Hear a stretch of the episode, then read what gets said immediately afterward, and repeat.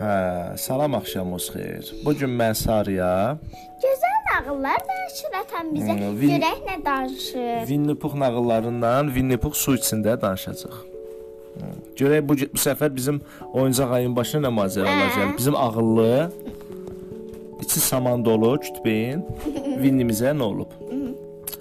Demək günlərin bir günü bunlar axı meşədə yaşayır. Christopher Robin də meşə ilə hündürdə yaşayır, Winnie ilə bir yerdə. O birlər isə meşədə yaşayır. Ha, yağış ara vermirdi. Səhərdən axşamacan yağırdı. Balaca domuz balası var, Piglet. Piglet fikirləşirdi ki, həyatı boyunca bu cür selləmə yağış görməyib. Onun da cəmi 3 ya da 4 yaşı var idi. Amma ömrü boyu bu bir yağış görməyib. İndi Winnie Puhun və Christopher Robinin yanında olsaydım, kef eləyərdim. O öz-özünə deyirdi. Əvəzində isə indi tək-tənha oturub yağışın kəsməyini gözləyirəm. O, o öz təsəvvüründə Winnie Puhun evini canlandırırdı. İndi onun yanında olsaydı deyərdi: "Görəsən Christopher Robinin yolunu su basmayıb?" Winnie Puh isə ona deyərdi: "Yazıq qoca dovşan, yəqin evdən çıxmalı olub." Həmişə sahilində oynadıkları çay daşmışdı. Piglet təşviş içində idi. Belə getsə, birazdan onun da evini su basa bilərdi. Axı boğular. Hə, biraz qorxuram. O öz-özünə deyirdi. Hər tərəfi su basıbsa, balaca domuz məxluq neynəsin? Ona yalnız qorxmaq qalır. Mən qorxa bilərəm. Ona görə qorxuram. Christopher Robinlə Pux ağaca çıxıb xilas ola bilərlər. Winnie Puhla Robin ağaca çıxa bilərlər, amma domuzlar ağaca çıxa bilmir. Hə, Kenga da qaçıb aradan çıxa bilər, kenguru. Dovşan da torpağı qazıb içinə girər. Bayquşun da qanadları var. Uçub gedər. İya, iya da o eşşək. Eşşək var idi. Bəşdən anqırsa, onu gəlib xilas eləyəcəklər. Mən isə heç nə də bilmirəm. Nə uça bilmirəm, nə qaça bilmirəm. Eşşək kimi bəşdən də anqıra bilmirəm. Hər tərəfi su basıb. Amma xilas olmaq üçün əlimdən heç nə gəlmir. Qalıb tək özünə düşünür. Yağış kəsmək bilmirdi. Yağış kəsmək bilmirdi. Hər keçən gün suyun səviyyəsi biraz da qalxırdı. Neçə gündür yağır, Göysara bilirsən? Artıq su pəncərəyə qədər qalxmışdı. Oy. Birdən Christopher Robinin danışdığı əhvalat yadına düşdü. Bu insan yaşamayan adaya düşmüş bir adamın hekayəti idi. Christopher Robin bunlar əhvalat danışıb ki, bir insan düşüb adaya. O adadan necə xilas oldu? O adam kağıza nəsə yazıb, şüşənin içinə qoyub, şüşəni də dənizə atmışdı. Piglet fikirləşdi. O öz-özünə kağıza nəsə yazıb, şüşənin içinə qoysa, suya atsa, ola bilsin kimsə onu xilas edəcək. O evi ələş-vələk elədi. Evdə demək olar ki, hər şey islanmışdı. Axır ki, bir quru qələm, bir parça quru kağız, bir quru şüşə və quru tıxac tapdı. Kağızın üstünə yazdı: "Kömək eləyin Pigletə." Mötərizdə yazdı: "Bu mənəm." o, o bir üzünə isə belə yazdı: "Mənəm Piglet. Kömək edin." Sonra kağızı şüşəyə qoydu, ağzını yaxşı-yaxşı bağladı. Pəncərədən şüşəni bacardığı qədər uzağa fırlatdı. Piglet yavaş-yavaş uzaqlaşan şüşəyə zillənib, gözləri ağrıyana kimi baxdı. Yəni ki, görüm gedir, getmir. Sonra isə başa düşdü ki, onu daha görməyəcək, çünki su onu aparır. İndi isə o xilas olmaq üçün əlindən hər, gələni hər şey eləmişdi. Qalmışdı niyəsin? Kimsə ona Xilas. kömək eləsin. Ha, deməli indi Piglet fikirləşirdi. Bir başqası əlindən gələni etməlidir ki, o xilas olsun. Ümid edirəm tez əl-ayağa düşəcəklər. Məni xilas etmək üçün, yoxsa canımı qurtarmaq üçün üzməli olacağam. Mən isə üzməyi bacarmıram. Domuzlar suyun içində belə gedə bilərlər axı. Oyuncaq domuz gedə bilmir axı, islanır, batır. Axı bu oyuncaq domuzdur. Yağış başlayanda Winnie Pooh yatırdı. İndi Winnie-dən danışırıq. Vini aydı. Hə, ayı da o içində saman doldurulmuş axmaq ayı, bal istəyən ayı. Yağış ara vermir, o isə yuxudan ayılmırdı. Dinə Aslında aylar yağış yağanda yatırlar. Xopiş, xopiş. Dünən o öz aləmində şimal qütbünü kəşf eləmişdi öz xəyallarında. Və o bununla fəxr edirdi. Amma halbuki heç hara getməyib. Özü düşünürmüş ki, mən şimal qütbünü kəşf elədim. Oradakı ağayları gördüm. Hətta Christopher Robin-dən soruşdu ki, bir ayının kəşf edə biləcəyi başqa qütblər var. Şimaldan başqa hara gedə bilərəm? O da demişdi, Cənub qütbü də var. Deyəsən haralardasa şərq və qərb qütbləri də var. Amma insanlar onlar haqqında ümidsiz danışırlar. Bunları eşidəndə Winnie Pux çox həyəcanlandı. Dedi ki, dərhal şərq qütbünə ekspedisiya təşkil etmək lazımdır. Amma Christopher Robinin başı qarışmışdı. Kenguru ilə məşğul idi. Hə, ona görə də Winnie Pux şərq qütbünə özü getmişdi, öz xəyallarında. Oturub yerə öz-özünə düşmüş, mən özüm tək getdim. Şərq qütbünü kəşf etdimi, etmədimi, bunu bilmirəm. Amma evə qayıdanda çox yorğun görünürdü. Hətta şəm yeməyi zamanı elə süfrə arxasında onu möhkəm yuxu tutdu. Xoşlayır axı yatıb bal yeməyi. Bir yuxu gördü, gördü ki, şərq qütbündədir. Bu çox soyuq qütb idi. Başdan ayağa buz və qarla örtülmüşdü. Pux, Winnie Pux bir arı yuvası tapıb orada gecələ gecələməyə qərar aldı. Yuxusunda görür ha. Görür arı yuvasına girim yatım. Amma arxa pəncələri yekə olduğuna görə arı yuvasına girmədi. Topuş idi axı. Onları çöldən çıxartmalı oldu.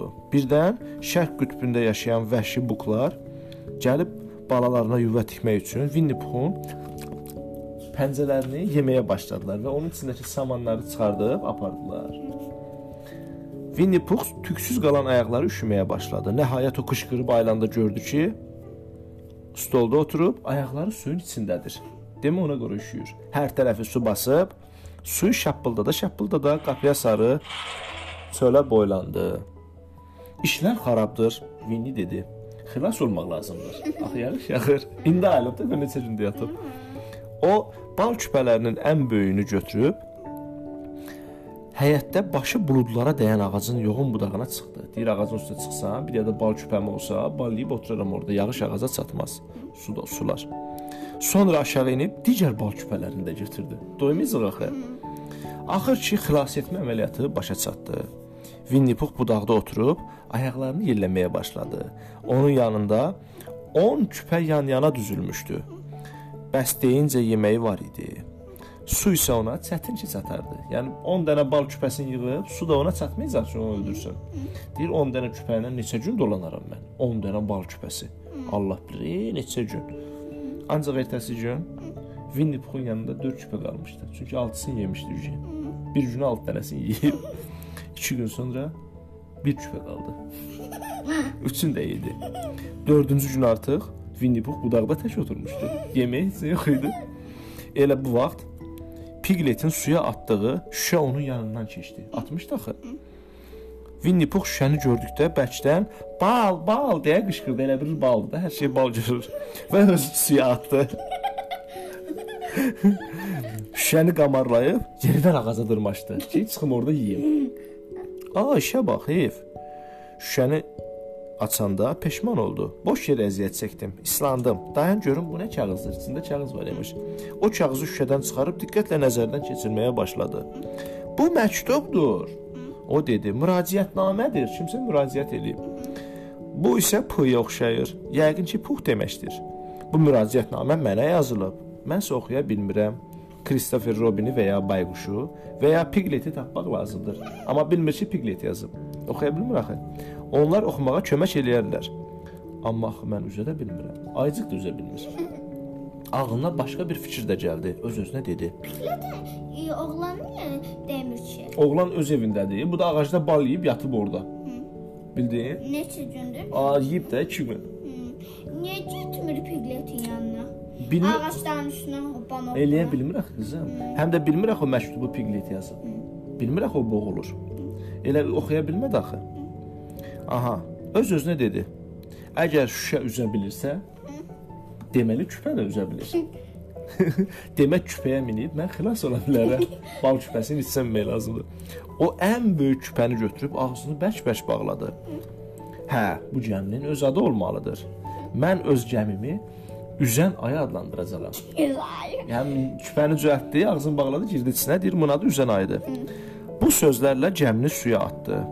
Özü də arxasınca tullandı. Hə, yo ağzını bağlayıb üstünə hoppanıb. Winnie Pux və üzən ayı bir neçə dəfə suya batıb çıxandan sonra axır ki Winnie Pux bir təhər gəmiyə mindi. Yəni küpənin üstünə. Christopher Robin meşənin ən hündür yerində yaşayırdı. Nə qədər yağış yağsa da yağsın, heç vaxt onun evini su basmırdı. Odur ki, rahat evdə oturub müxtəlif məsələlər barədə düşünürdü. O hər səhər evdən çıxıb sətirlə, sətir bilirsən nədir qızım? Bilirlər. Yağış yağması. Zondi, zontik. Yağış yağanın üstünə su tökməsin deyə qoyurlar. O hər səhər evdən çıxıb sətirlə yerə çubuq sancırdı. Ertəsi gün çubuğa baxırdı ki, çubuğu su basıb. Demək, oranı su basıb və növbəti çubuğu bastırırdı. Beləliklə çubuqlar gəlib onun evinə çatmışdı. Yəni su artmışdı. Və Christopher Robin başa düşdü ki, ömründə ilk dəfə adada qalıb. Çünki hər tərəfi su basanda onun evi artıq olub ada. Bundan gözəl nə ola bilərdi? Evdə tək qalıb. Həmin səhər bayquş uçub gəldi. Onunla həl-əhval tutmaq istəyirdi. Christopher Robin dedi: "Qulaq as bayquş. Əla deyilmi? Mən adada yaşayıram." Son vaxtlar hava şəraiti bir qədər əlverişsizdir, bayquş dedi. Robin dedi: "Nə nə deyirsən?" O dedi: "Suyun səviyyəsi görünməmiş həddə çatıb." Robin dedi: "Kim?" O dedi: "Amma çətinliklər gec-tez həllini tapar. Proqnozlar göstərir ki, Birdən Robin onun sözünü kəsdi. Sən Winnie Pooh görmüsən? Yox, proqnoz. Ümid edirəm sağ-salamatdır. Ona görə narahatam. Görəsən Piglet onun yanındadır yoxsa yox? Don şey aycığında narahatdır. Yenə bayquş danışırdı. Güman edirəm ki, hər şey yaxşıdır. Proqnoz Bayquş, yaxşısı budur, sən get baş çək. Christopher Robinin növbəti dəfə Çəkmək nə demək? baş çəkən gör o evindədir ya yox. Növbəti dəfə bayquşun sözünü kəsdi. Və dedi: "Axı Winnie Pooh'un başı ağac ovuntusu ilə doludur. Axmaqlıq eləyə bilər. Mən onu çox sevirəm." Yaxşı, bayquş dedi, gedib yoxlayaram. Bayquşun uçub getməsi ilə qayıtmağı bir oldu. Tez qayıtdı. Winnie Pooh orada yoxdur. Orada yoxdur. Orada olub. 9 küpə bal götürüb ağaca çıxıbmış, amma indi orada yoxdur. Winnie, əzizim. Christopher Robin qışqırdı. Hardasan? Winnie dedi, "Burdayam." Arxadan Winnie Pooh'un donqultusunu eşitdi. "Winnie!" Christopher Robin Winnie Pooh'un boynuna sarıldı. "Buraya necə gəlib çıxdın?" Christopher Robin kəkəlləyə-kəkəlləyə soruşdu ki, "Sən bura gəlib necə çıxdın?" İndi keçəcəyik ikinci hissəsinə.